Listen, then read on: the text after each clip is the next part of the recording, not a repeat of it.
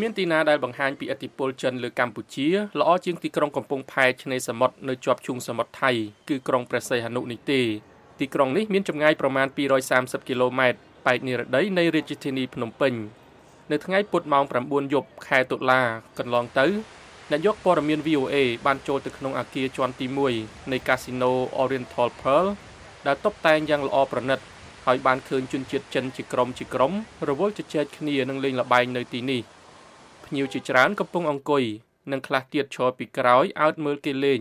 និងជួនកាលចូលទៅលេងនឹងគេដែរភ្ញៀវខ្លះទៀតដើរក្រវ៉ែលចុះឡើងស្ត្រីវ័យកណ្ដាលម្នាក់ដែលស្លៀកពាក់ធម្មតាស្ពាយកាបូពីចំហៀងបានដើរចូលទៅតុកលបែងមួយដែលមិនសូវមានអ្នកលេងកកកុញប៉ុន្មានហើយបានចាក់ភ្នាល់100ដុល្លារ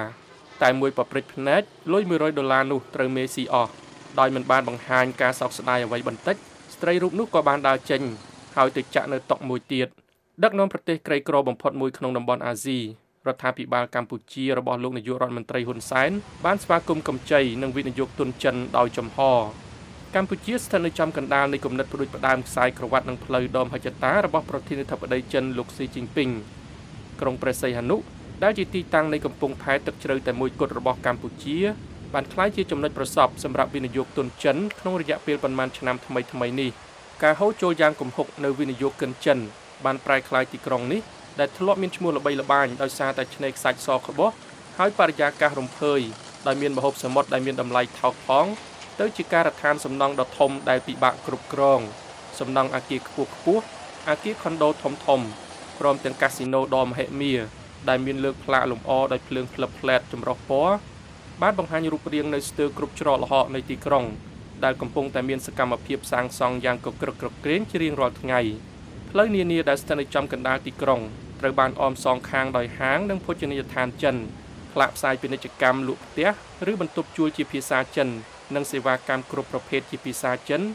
មានគ្រប់ទិសទីរួមទាំងនៅលើរមាក់កង់3ឬតុកតុកផងដែរពេលលុយចិនហូរចូលកម្ពុជា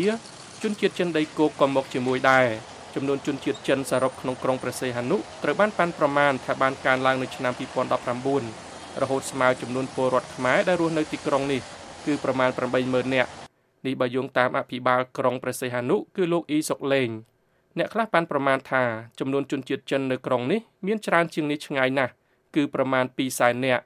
លោកអ៊ូវីរៈនាយកអង្គការវិទ្យាអនាគតបាននិយាយថាជនជាតិចិនភាគច្រើនរស់នៅផ្ដុំគ្នានៅចំកណ្ដាលទីក្រុងតែម្ដង That means that I think if you look actually if you go to Sihanouk នេះមានន័យថាពេលអ្នកទៅក្រុងព្រះសីហនុនោះអ្នកប្រហែលជាឃើញជនជាតិចិន លោកជួននរិនស្នងការប៉ូលីសខេត្តព្រះសីហនុបានប្រាប់កាសែតបាងកកប៉ុស្តិ៍កាលពីខែកក្កដាថា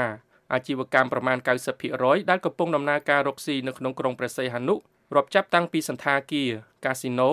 និងភោជនីយដ្ឋាន រហូតដល់ហាងម៉ាសាគឺគ្រប់គ្រងដោយជនជាតិចិនថ្មីត្បិតតែបានបង្កើតការងារនិងទ្រព្យសម្បត្តិដល់មនុស្សខ្លះក៏ពិតមែនក៏វិសាលភាពទាំងស្រុងនិងលបឿននៃការវិនិយោគទុនចិនក្នុងក្រុងព្រះសីហនុក៏បានបង្កបញ្ហានានាដល់ពលរដ្ឋខ្មែរជាច្រើនដែលរស់នៅទីនេះ លោកថនរដ្ឋាអ្នកស្រាវជ្រាវម្នាក់នៅអង្គការមេដាធម្មជាតិបានរៀបរាប់ពីបញ្ហាមួយចំនួនបញ្ហាដែលយើងមើលឃើញគឺការប្រហូរទឹកស្អុយចូលសមុទ្រដោយមិនមានការគ្រប់គ្រងត្រឹមត្រូវហើយមិនបានឆ្លងកាត់នៃអាងប្រវត្តិកម្មបញ្ហាទី2រឿងការកើនឡើងនៃសម្រាមស្ទើរតែគ្រប់ទីកន្លែងហើយនឹងបញ្ហា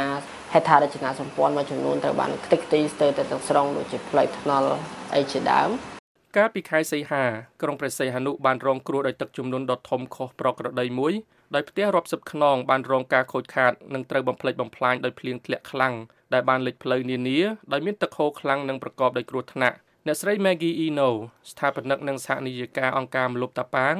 ដែលជាអង្គការមិនរកប្រាក់កម្រៃធ្វើការងារជាមួយកុមារងាយរងគ្រោះជាង5000នាក់និងគ្រួសារចំនួន2000គ្រួសារក្នុងខេត្តព្រះសីហនុបាននិយាយថា អ្នកស្រីមិនដែលឃើញស្ថានភាពបែបនេះទេក្នុងរយៈពេល17ឆ្នាំចាប់តាំងពីអ្នកស្រីមករស់នៅក្នុងក្រុងព្រះសីហនុនេះ This center here we've been here for 11 years យើងមកធ្វើការនៅទីនេះក្នុងមជ្ឈមណ្ឌលនេះអស់11ឆ្នាំមកហើយមជ្ឈមណ្ឌលអប់រំ clinic និងអ្វីអ្វីផ្សេងទៀតនៅក្នុងទីស្នាក់ការរបស់យើងយើងមិនដែលមានសូម្បីតែទឹកមួយដំណក់ជ្រាបចូលក្នុងអគារនេះទេយោងតាមអ្នកស្រីអ៊ីណូមូលហេតុដែលបង្កឲ្យមានទឹកជំនន់ធ្ងន់ធ្ងរនៅឆ្នាំនេះគឺដោយសារតែអ្នកអភិវឌ្ឍជនជាតិចិន បានចាក់ដីលុបទីវាលនានាដែលធ្លាប់ជាអាងស្តុកទឹកលូធម្មជាតិទីក្រុងព្រះសីហនុមិនទាន់មានប្រព័ន្ធបង្ហូរទឹកផ្សេងទៀតនៅឡើយទេក្រុមហ៊ុនអភិវឌ្ឍរបស់ចិនក៏បានចាក់ដីលុបផ្នែកខ្លះនៃបឹងក្នុងក្រុងដើម្បីសាងសង់អគារខ្ពស់ៗដែរនេះបើយោងតាមលោកថនរដ្ឋាចំនួនពលរដ្ឋដែលកើនឡើងក្នុងក្រុងព្រះសីហនុកាលពីប្រមាណឆ្នាំថ្មីៗនេះបានធ្វើឲ្យបរិមាណសម្រាមកើនឡើងយ៉ាងគំហុកទោះបីជាអាជ្ញាធរប្រឹងប្រែងដោះស្រាយបញ្ហាកំណើននេះក៏ដោយ ក៏សម្រាមត្រូវបានគេបោះចោលពាសវាលពាសកាលតាមដងផ្លូវនានាអ្នកស្រីអ៊ីណូនិយាយថា The problem of the garbage is really out of control. So បញ្ហាសម្រាមនេះគ្រប់គ្រងលែងបានហើយពេលទឹកលិចផ្លូវនានា វានាំសម្រាមនៅតាមផ្លូវទាំងនេះហូរចូលផ្លូវទឹកដែលហូរចូលសមុទ្រហើយនៅកកជាប់មាត់លូនោះដូច្នេះពេលដែលមានសម្រាមថង់ប្លាស្ទិកនិងប្រអប់ខ្មៅខ្មៅរាប់ពាន់កញ្ចប់នៅកកស្ទះលំហូរទឹក ទឹកនោះមិនអាចហូរចូលសមុទ្របានទេអញ្ចឹងកម្រិតទឹកចេះតែកើនឡើងកើនឡើង រហូតទាល់តែខ្លាចជាទឹកជំនន់លោកសាងដែលមកពីខេត្តហ្វឺជៀនប្រទេសចិនបានមកក្រុងព្រះសីហនុកាលពី2 3ឆ្នាំមុនហើយឥឡូវបានក្លាយជាម្ចាស់រាងកាសាល Sky និងភោជនីយដ្ឋានចិនមួយនិងហាងលក់គ្រឿងសំណង់មួយដែរលោកនិយាយថាចំនួនពលរដ្ឋដែលកើនឡើងយ៉ាងគំហុកក្នុងទីក្រុងនេះតម្រូវឲ្យមានការសាងសង់ហេដ្ឋារចនាសម្ព័ន្ធយ៉ាងច្រើន លោកសាងបានប្រាប់នាយកព័ត៌មាន VOA ជាភាសាចិនថា西港可能原先可能就是一个几万人口的一个城市ក្រុងព្រះសីហនុគឺជាទីក្រុងដែលមានពលរដ្ឋរស់នៅរាប់ម៉ឺននាក់បរិខាទ្រទ្រង់ទីក្រុងដូចជាប្រព័ន្ធលូទឹកភ្លើងគឺសម្រាប់តែចំនួនមនុស្សប៉ុណ្ណឹងតែក្រោយមកស្រាប់តែទីក្រុងនេះមានមនុស្សរាប់សែននាក់សម្រុកចូលមកភ្លាមភ្លាមជាធម្មតាទេទីក្រុងនេះពិតជាមិនអាចទ្រទ្រង់និងឆ្លើយតបទៅនឹងតម្រូវការកើនឡើងនេះបានទេបន្ថែមលើផលប៉ះពាល់បរិស្ថាន ការហូរចូលយ៉ាងគំហុកនៃអ្នកវិនិយោគចិនដែលមានប្រាក់ក៏បានបង្កឲ្យថ្លៃចំណាយលើការរស់នៅជាទូទៅឡើងខ្ពស់កប់ពពកថ្លៃទំនិញសពសារពើរាប់ចាប់ពីម្ហូបអាហាររហូតដល់កន្លែងស្នាក់នៅបានកើនឡើងយ៉ាងខ្លាំងដែលធ្វើឲ្យប៉ះពាល់ដល់ក្រុមគ្រួសារនិងសហគមន៍ក្នុងស្រុកអ្នកស្រីអ៊ីណូបាននិយាយថា As the development has been so rapid here and so many Cambodians have lost their home នៅពេលដែលមានការអភិវឌ្ឍយ៉ាងឆាប់រហ័សនៅក្នុងក្រុងនេះពលរដ្ឋខ្មែរជាច្រើនបានបាត់បង់ផ្ទះរបស់ខ្លួនដែលពួកគេកំពុងជួលដោយសារម្ចាស់ផ្ទះបានជួលទៅឲ្យជនជាតិចិន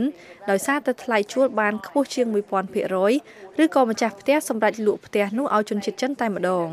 អ្នកស្រីរតច័ន្ទផលគុណសហនាយិកានៃអង្គការមលុបតាប៉ាងដែលធ្វើការដោយផ្ទាល់ជាមួយក្រុមគ្រួសារដែលខ្វះខាតបាននិយាយថា Some they find a, a piece of small land they could afford to rent អ្នកខ្លះរកបានដីតូចមួយដែលពួកគេអាចជួលបាន អ្នកខ្លះត្រូវរើចេញប៉ុន្តែមិនដឹងទៅជួលនៅឯណាបានអ្នកស្រីអ៊ីណូដែលមានសញ្ជាតិអង់គ្លេសហើយបានមកកម្ពុជាដំបូងឡើយជាអ្នកទេសចរកាលពីឆ្នាំ2003ជឿថាមូលហេតុនៃបញ្ហាទាំងនេះបណ្ដាលមកពីការអភិវឌ្ឍដែលកំពុងកើតឡើងក្នុងទីក្រុងនេះដែលផ្ដោតតែទៅលើអាគារលុយនិងកាស៊ីណូជាជាងលើពលរដ្ឋក្នុងក្រុងនេះ Since the Chinese came in like so sort of a year and a half តាំងពីជនជាតិចិនបានចូលមកដល់ប្រហែល1ឆ្នាំកន្លះមុនឬ2ឆ្នាំមុនភោជនីយដ្ឋានផ្ទះសំណាក់និងសន្តាគារជាច្រើនត្រូវបានវាយចោលហើយកំពុងជំនួសដោយកាស៊ីណូវិញអ្នកស្រីអ៊ីណូបន្ថែមថា almost all of those beach sellers, tuk-tuk drivers, motor dogs working around អ្នកលក់ដូរនៅតាមឆ្នេរខ្សាច់ស្ទើរគ្រប់រូបនិងអ្នករត់រឺម៉កកង់3និងហាងចល័តដែលលក់ដូរឲ្យភ្ញៀវទេសចរបរទេសដែលមិនមែនជាជនជាតិចិនឬអ្នកទេសចរខ្មែរសុទ្ធតែបាត់បង់ការងារអស់ហើយពួកគេត្រូវបង្ខំចិត្តចាក់ចេញពីទីក្រុងនេះពលរដ្ឋខ្មែរវ័យ28ឆ្នាំម្នាក់ដែលប្រាប់ថាមានឈ្មោះជេគឺជាមនុស្សម្នាក់ដែលបានបាត់បង់ទីកន្លែងរកស៊ី Uh before we uh, not stay here I have ខ្ញុំលក់ដូរនៅហាងមួយនៅទីក្រុងនេះ ដោយជួលកន្លែងគេក្នុងតម្លៃ500ដុល្លារក្នុងមួយខែប៉ុន្តែក្រោយមកម្ចាស់ហាងនេះក៏ជួលកន្លែងហ្នឹងទៅឲ្យជនជាតិចិនក្នុងតម្លៃ1500ដុល្លារក្នុងមួយខែខ្ញុំមិនអាចបង់ថ្លៃជួលរួចហើយក៏បាត់បង់កន្លែងលក់ដូររបស់ខ្ញុំទៅលោកជេក៏បានវិលត្រឡប់ទៅស្រុកកំណើតរបស់លោកវិញបន្ទាប់ពីសន្សំប្រាក់បានខ្លះឥឡូវនេះលោកក៏បានវិលត្រឡប់មកក្រុងព្រះសីហនុវិញដោយព្យាយាមរកស៊ីលក់ដូរចល័តក្នុងតំបន់ដែលសម្បូរដោយជនជាតិចិនរស់នៅឬហៅថា China Town ក្នុងទីក្រុងលំហែកាយកំពង់ផែមួយនេះ នៅលើឆ្នេរមួយនៅក្បែរក្រុងព្រះសីហនុនេះក្រុមអ្នកយកព័ត៌មាន VOA ជាភាសាចិនស្ទើរតែមិនឃើញភ្ញៀវទេសចរខ្មែរឬភ្ញៀវអន្តរជាតិដែលមិនមែនជាជនជាតិចិនឡើយស្ទើរតែគ្រប់ភោជនីយដ្ឋាននិងរាងកាសាលនៅលើឆ្នេរនេះសុទ្ធតែគ្រប់គ្រងដោយជនជាតិចិននិងមានសុទ្ធតែភ្ញៀវចិនលោកប៊ូនៅនឹងភរិយា បង់ថ្លៃជួលទ្វេដងដើម្បីអាចដាក់តូបលក់មួយនៅខាងមុខភោជនីយដ្ឋានចិនមួយកន្លែងបរិះវ័យ56ឆ្នាំរូបនេះ ដែលបានរកស៊ីនៅលើឆ្នេរនេះតាំងពីយូរយារណាស់មកហើយកំពុងតែត្រដររស់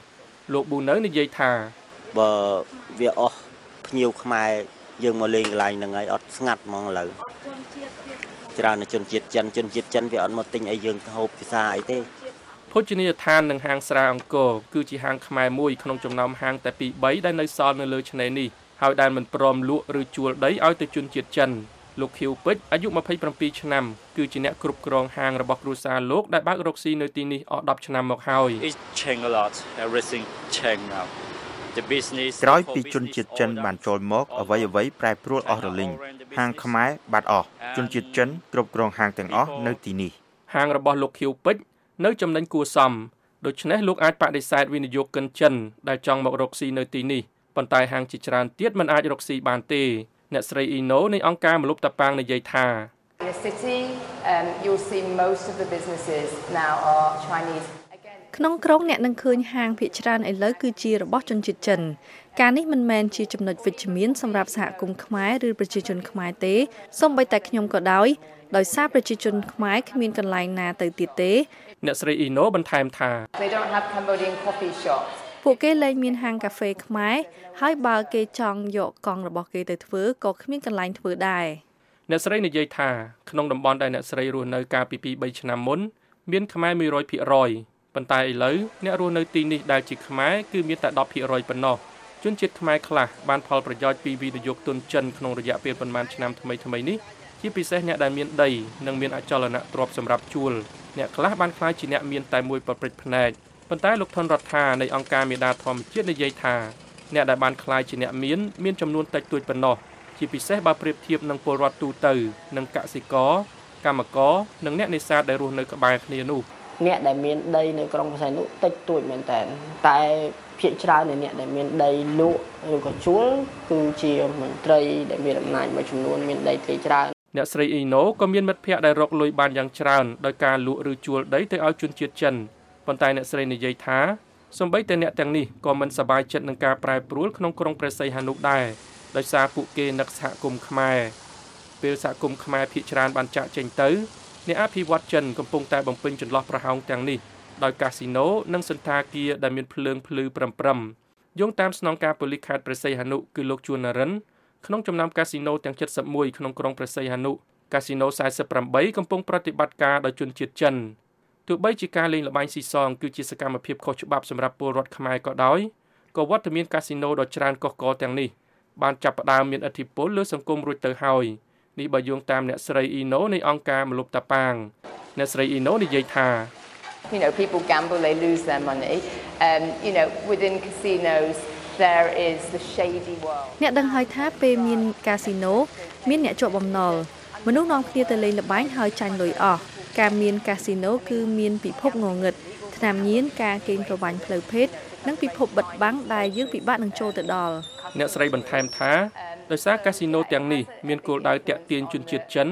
និន្នាការអភិវឌ្ឍប្រមាណឆ្នាំថ្មីថ្មីនេះមានឥទ្ធិពលយ៉ាងធំធេងលើសោភ័ណភាពទីក្រុងនេះលោកហ្សាងដែលជាម្ចាស់រាងកាសាល Sky នៅតែមានសុទិដ្ឋិនិយមអំពីអនាគតក្រុងព្រះសីហនុសម្រាប់រូបលោកក្រុងព្រះសីហនុគឺដូចជាខេត្តខ្វាងតុងរបស់ចិន នៅពេលដើមដំបូងនៃកំណែទម្រង់របស់ចិនហើយសន្សឹមសន្សឹមក៏បើកចំហទៅកាន់ពិភពលោកលោកហ្សាងនិយាយថា前我在中国广东那时候，呃，改革开放的时候，九几年的时候，我也在那边。 ពេលខ្ញុំបានទៅរកស៊ីនៅខេត្តនោះក្នុងទសវត្ស1990ខ្ញុំមើលឃើញថាខេត្តខ្វាងតុងរៀងរញ៉េរញ៉ៃបន្តិចប៉ុន្តែដោយសារកំណែទម្រង់និងការបើកចំហពលរដ្ឋមកពីគ្រប់ទិសទីនៃប្រទេសបានទៅរកស៊ីនៅទីនោះដោយបង្កឲ្យមានកង្វះធនធាននិងហេដ្ឋារចនាសម្ព័ន្ធនានាអ្នកជំនួញចិនរូបនេះបន្ថែមថាខ្ញុំគិតថានេះគឺគ្រាន់តែជាដំណាក់កាលមួយប៉ុណ្ណោះវាត្រូវតែឆ្លងកាត់ដំណាក់កាលនេះ ដោយសារអ្នកគ្រប់គ្រងទីក្រុងគ្មានបទពិសោធន៍ក្នុងការគ្រប់គ្រងក្រុងដែលមានមនុស្សច្រើនបែបនេះពេលមានមនុស្សម្នាយ៉ាងច្រើនមកភ្លាមភ្លាមក្នុងពេលតែមួយបែបនេះប្រកាសជាមានអន្តរកាលមួយហើយគ្មាននរណាម្នាក់ដឹងទេថាតើអន្តរកាលនេះនឹងមានរយៈពេលយូរប៉ុណ្ណាចំពោះពលរដ្ឋខ្មែរជាច្រើនអ្វីដែលពួកគេត្រូវដោះស្រាយនៅពេលនេះគឺធ្វើយ៉ាងម៉េចអាចរស់នៅបាន លោកជេដែលបានបាត់បង់ហាងដោយសារតែថ្លៃជួលឡើងថ្លៃនិងត្រូវបង្ខំចិត្តធ្វើជាអ្នកលក់ដូរចល័តនៅតំបន់ដែលមានជនជាតិចិនរស់នៅច្រើនកកកក្នុងក្រុងព្រះសីហនុនេះកំពុងប្រឹងប្រែងសម្រេចបំណងរបស់លោកលោកនិយាយថា I can I I don't want the ខ្ញុំមិនចង់ធ្វើការនៅកាស៊ីណូទេដោយសារខ្ញុំចង់មានហាងខ្លួនឯងលោកសង្ឃឹមថានៅពេលណាមួយលោកនឹងមានប្រាក់គ្រប់គ្រាន់បើកហាងដោយខ្លួនឯងដើម្បីឲ្យភរិយានិងកូនស្រីរបស់លោកអាចមានជីវភាពដ៏ល្អមួយបាន ពីរដ្ឋធានី Washington ខ្ញុំសាយមូនី VOA